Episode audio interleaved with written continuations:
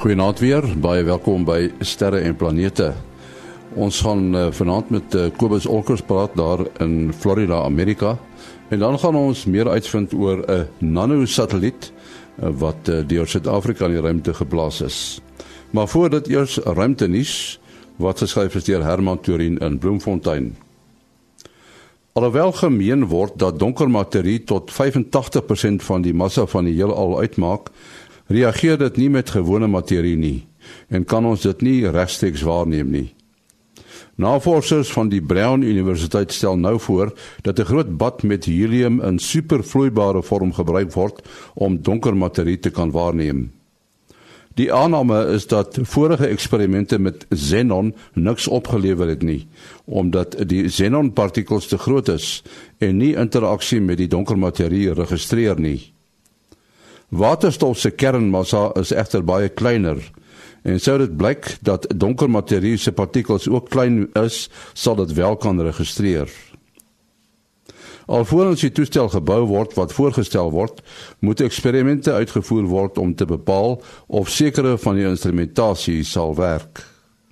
Wetenskaplikes onder leiding van 'n uh, Franse wetenskaplike Gaël Choblet het deur 'n simulasiemodel vasgestel wat kon verhinder het dat Saturnus se maan en Enceladus se oseaan onder 'n relatief dun ijslaag nie lank gelede reeds vereis het nie.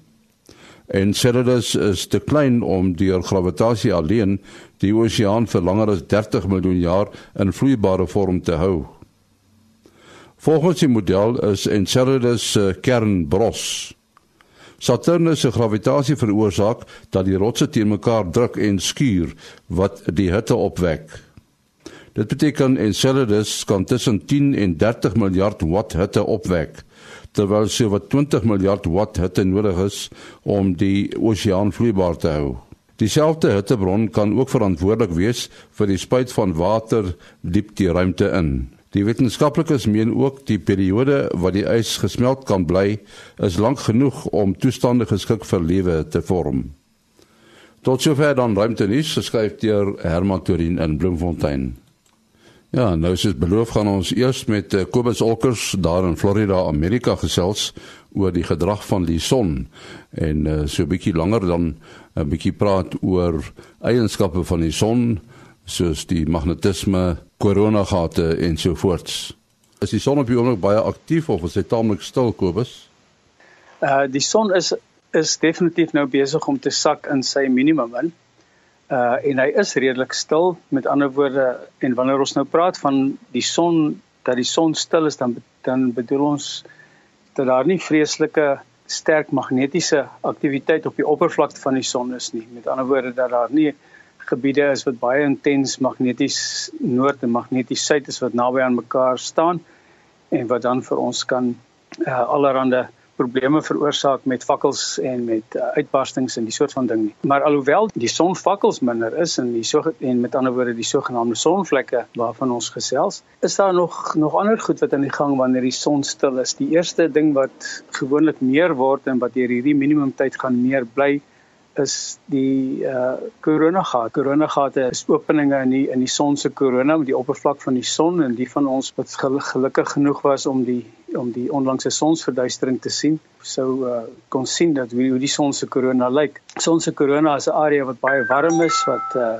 my waarheid te sê vreeslik warm is, maar dit is magnet dit is ook 'n magnetiese gelaaide stelsel en wanneer hierdie daar nou in hierdie korona 'n gat oopgaan dan kan die son se se basiese uitbarstingsstraling die die radioaktiwiteit wat nou van die son af uitwaai met die sonwind die kan dan nou deur hierdie hierdie eh, gat in die korona ontsnap en eh, dan kry ons eh, dinge hier by die aarde wat nou gebeur. En een van die goed wat gebeur is is dat die die die vinniger sonwind wat nou uit so korona gat uitkom kan nou die aarde se se magnetosfeer effe skeef waai soos 'n ballon wat mense in 'n baie sterk wind hou hy hy waai so half een kant toe en hy vervorm skoon. Is presies wat in die aarde se magnetveld gebeur.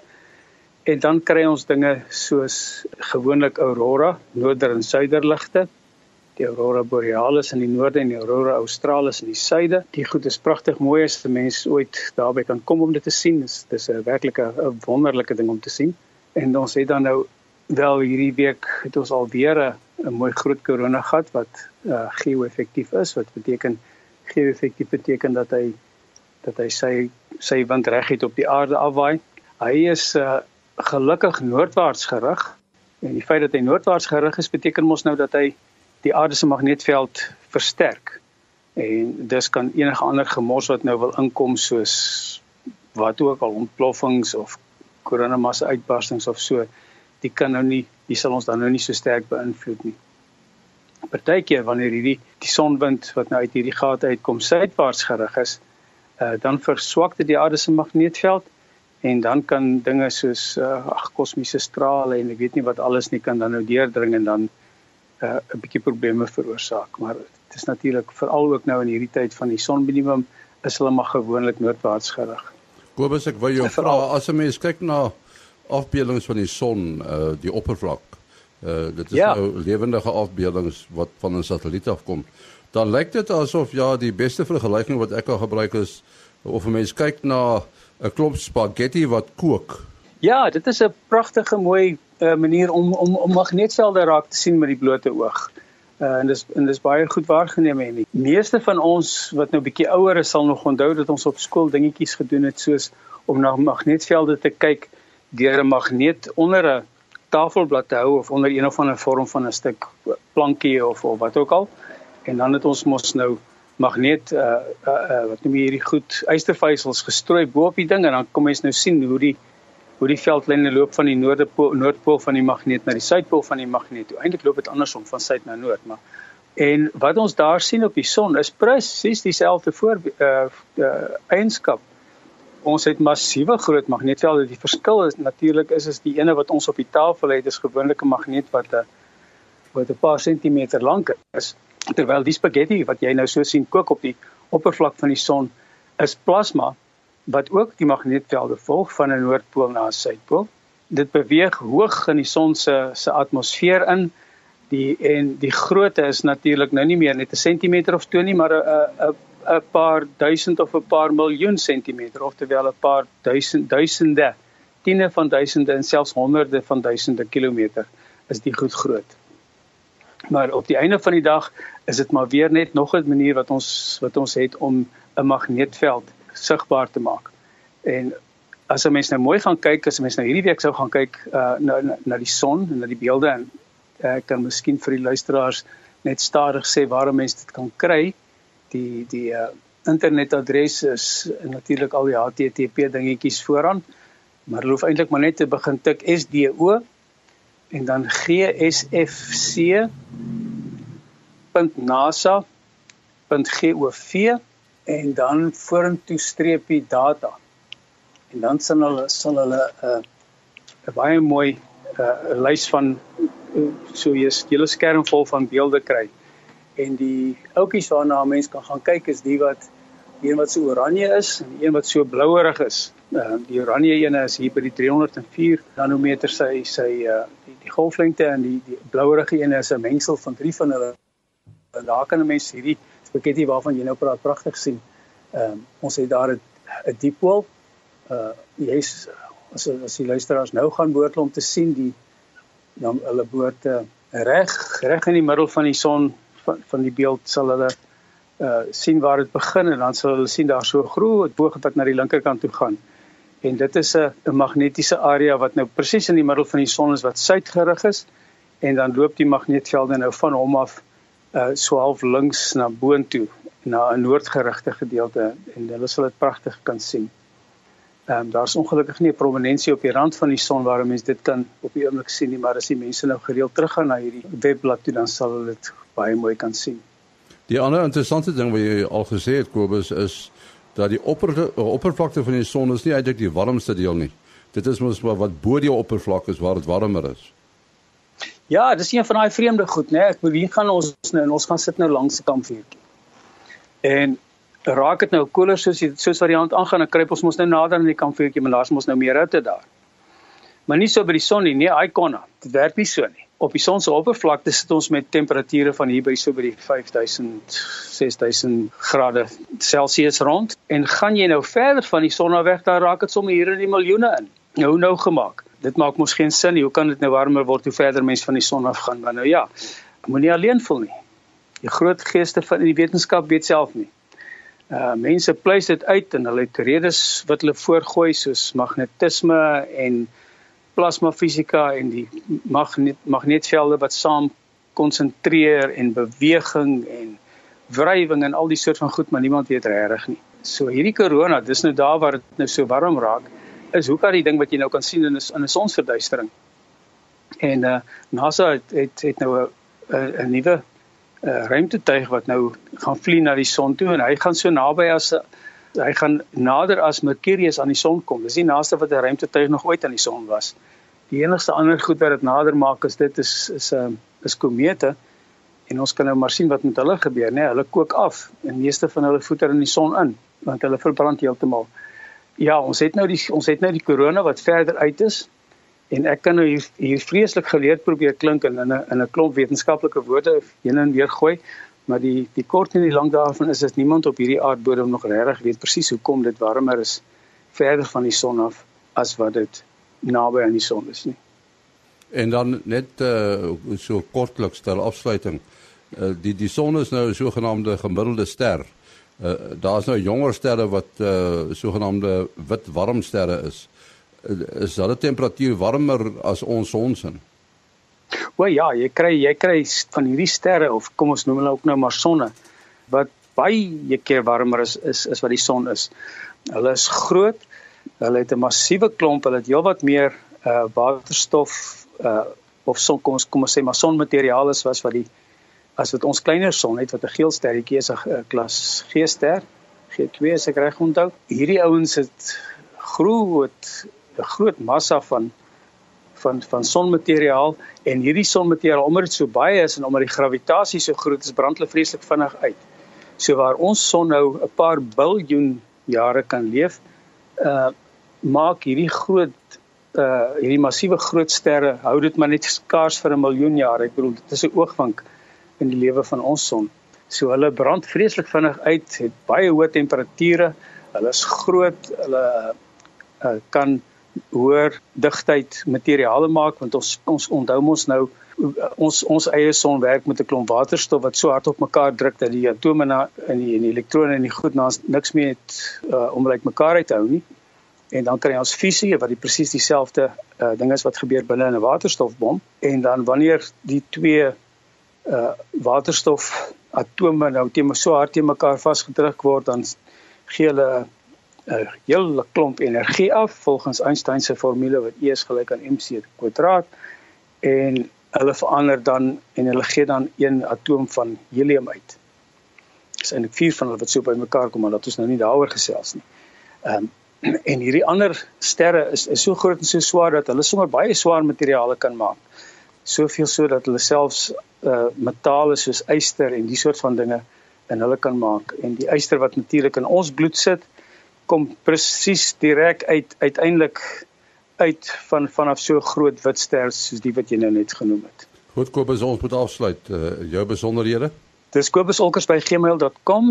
Uh K O B S O L C K E R S by gmail.com en soos ek nou altyd sê, ek is nie 'n baie goeie terugskrywer nie, maar as iemand vir my 'n landlynnommer gee, ek kan landlynnommers hier van Amerika af heel maklik bel in Suid-Afrika sonder dat dit my te veel kos dan bel ek met graagte terug en ek en ek antwoord te vraag.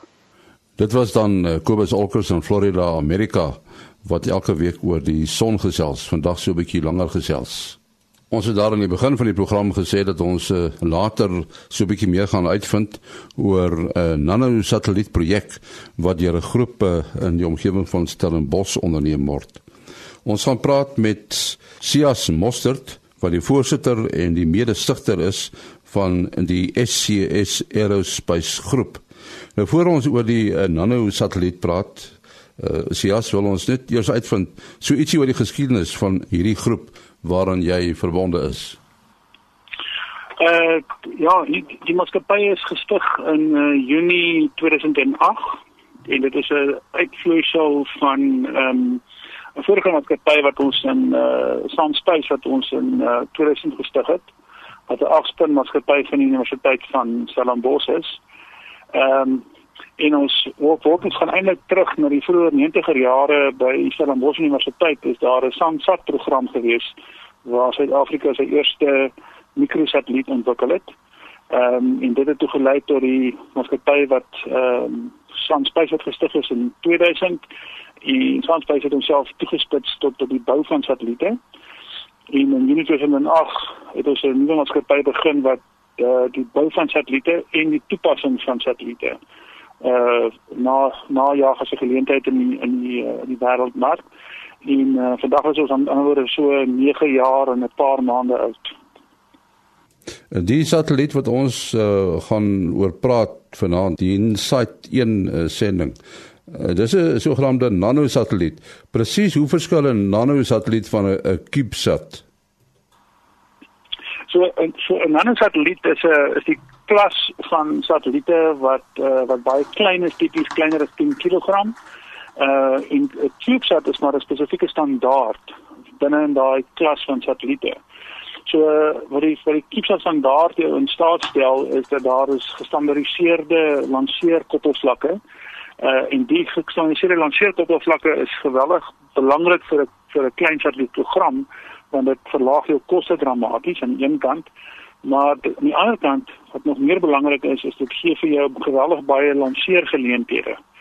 Uh en die lanseergeleenthede is die enkele grootste bottleneck vir uh, vir 'n klein satelliet maatskappy of 'n klein satellietprogram wat nie saak of mens by universiteit is of in die privaat sektor is nie want lanseervertragings is, is 'n realiteit. So as jy in die CubeSat standaard werk as jou vuurpyl vertraag word as gevolg van een of ander rede dan jy altyd op 'n ander se vuurpyl gaan vlieg. So die kiezer is 'n gerieflike standaard om te gebruik. Maar dan is ook natuurlik nog uh, ander standaarde of ander klasse van satelliete, daar's mikrosatelliete, dis so in die omgewing van 50 na 150 uh, kg. Uh en dit is die die klas satelliete waarvan ons al 'n hele paar gebou het in in ruimte is. En dan is daar ook wat mense so kon noem mini satelliete en dis so die klas van 200 kg alpad op tot by 1000 kg. Ehm um, en dis tipies uh vandag kan jy al met hierdie satelliet en die geweldig baie regtere in die ruimte want jy kan jouself verbeel so jy selfoon tegnologie se se digtheid gebruik en jy bou 'n 200 kg struktuurstem daarmee dan kan jy nogal baie daar daar baie daar inpas. So so 'n ander satelliet is maar gerieflik ons ons finetjies maar 2.5 kg want dit gee ons uh, baie vinnige lanseergeleentheid. Ja, as jy dan van eh, van hierdie nanosatelliet praat, die InSight 1 sending. Hoekom het julle 'n satelliet opgestuur? Wat wat doen die satelliet? So so die satelliet is ehm um, dit vier verskillende loonvragte, vier verskillende funksies wat hy verrig. Ehm um, sy die deel van 'n internasionale konstellasie, dis die uh, eh, QB50 konstellasie wat ehm um, deur um, die van van Karman Instituut in België gelei word. En die doel van die hoofdoel vir die vir die insight in die konstellasie is om die uh, aarde se termosfeer se kerneienskappe te meet. Ehm um, die termosfeer is die is die atmosfeer as jy sou wou tussen 200 km en 380 km. Nou, dis 'n moeilike plek om te wees want daar's genoeg lugmolekules om jou stadig te maak sodat jy stadig genoeg beweeg dat jy terugval in die atmosfeer van die aarde. So jy kan nie baie lank daar bly nie. Uh, ons missie is maar so orde grootte 12 na 18 maande lank.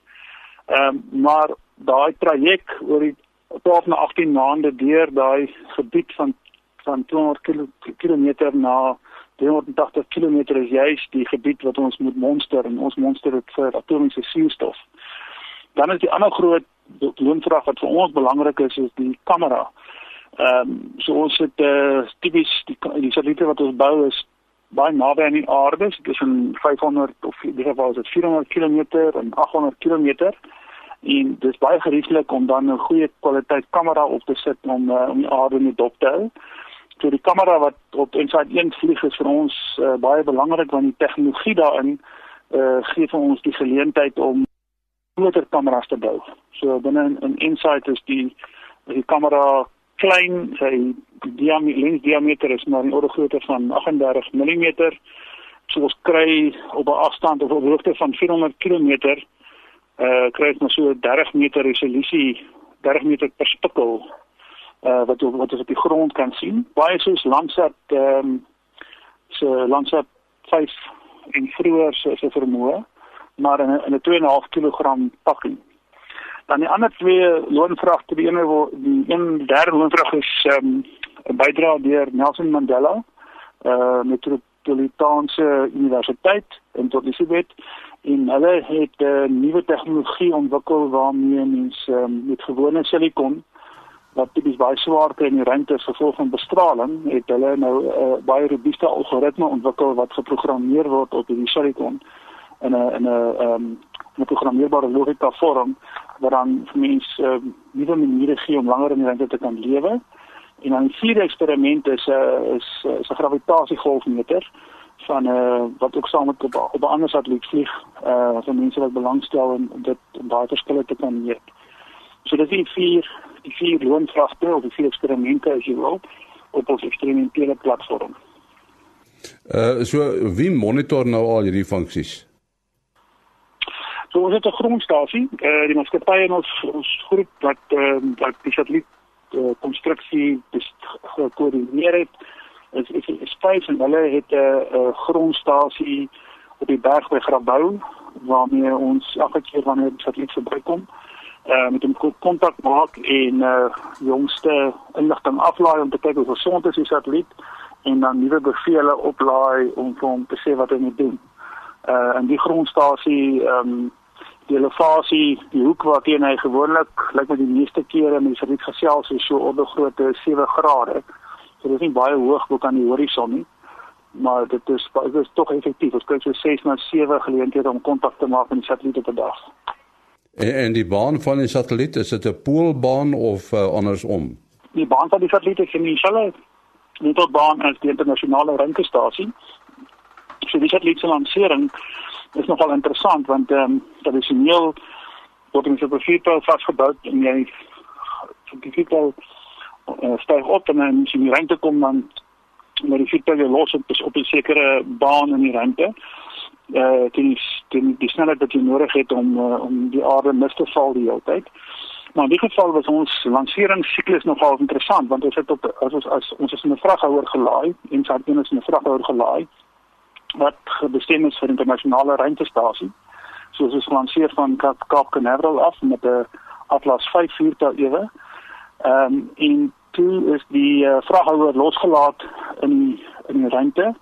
Ehm um, en die vraghouer is is 'n uh, is 'n sieknes vraghouer.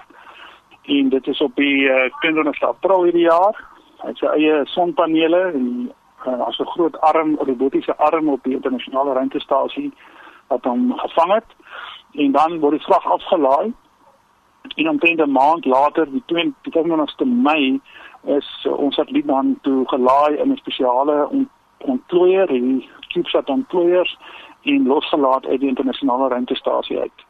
Ehm um, so mens kan nou sê lansering is nie meer 'n lansering nie, dis nou 'n uh, dis net so 'n stuk vrag wat dan wat dan losgelaat word. Uh hoe lank moet uh, die satelliet nou leef? Ek dink jy het so iets gesê. Wel, dis die satelliet is 'n lae wentelbaan. Dit begin by so 400 km met 'n 51 grade inklinasie. Ehm um, en daar's genoeg daar's genoeg lugmolekules om hom binne 12 na 18 maande gaan hy stadig genoeg beweeg dat gravitasie hom gaan intrek en dan begin hy die atmosfeer tref en as die atmosfeer tref dan brand hy bloot uit. So dis maar die pad van alle klein satelliete om uit te brand, né? Nee. En mens wil ook hê, né, want anders is daar ruimterommel. En ruimterommel, daar's nou al soveel is rommelstukke in die ruimte dat dit besig is om uh, om 'n gevaar te raak. Uh vir of enige ander satelliete wat nog 'n goeie werkende kondisie is. So mens wil eintlik hê dat jy satelliet se dra as jy nie klaar is moet jy maar terugkom en uitbrand en as dit afgehandel. Is dit net nou maar die toekoms van satelliete dat hulle nou maar kleiner en meer doeltreffend gaan wees? Ja, daar's geweldig baie uh voordele daaraan om met 'n kleiner satelliet te werk. Uh ten eerste jy kan meer van hulle op 'n vierpyl sit. Uh ek dink die jongste rekord is 108 van die satelliete op 'n Indiese vierpyl. En dit maak dit goedkoper die die feit dat jou lanceerkoste so oorwonderende koste is is beteken dat hoe, hoe meer effektief jy jou uh, jou volume en jou massa kan gebruik hoe meer hoe goedkoper raak jou missie en omdat jy goed missie goedkoper raak op, op een satelliet kan jy bekostig om konstellasies te bou en dis konstellasies wat ons in staat gaan stel om 'n klomp tyd varierende prosesse te moniteer uh op die aarde wat van tevore nie moontlik was nie. En as jy nou al besig met met nog sulke projekte? Uh ja, ons het ehm um, uh voorstel ingedien vir Insight 2 en 3 wat ons hoop om later in 2018 en 2019 te lanseer. Ehm uh, met met beter met beter kameras wat spesifiek vir landboudoeleindes uh geoptimeer sal wees. Ehm um, en dan is ons uh, lewer ons hierdie jaar vroeg volgende jaar twee redelike groot satelliete af by een van ons kliënte. Uh wat ons saam met hulle bou, dis 'n ordergrootte van so 450 kg klas satelliete en dan is ons besig om ook 'n paar uh om kameras te bou wat ons uh, vroeg in volgende jaar moet aflewer.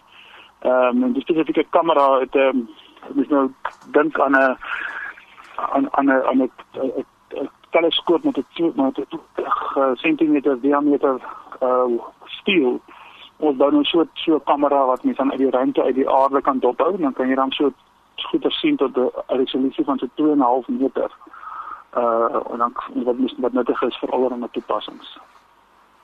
Nou ja, jy verhoor ons uh, eie satellietmaatskappy wat baie mooi dinge doen daar bo in die ruimte.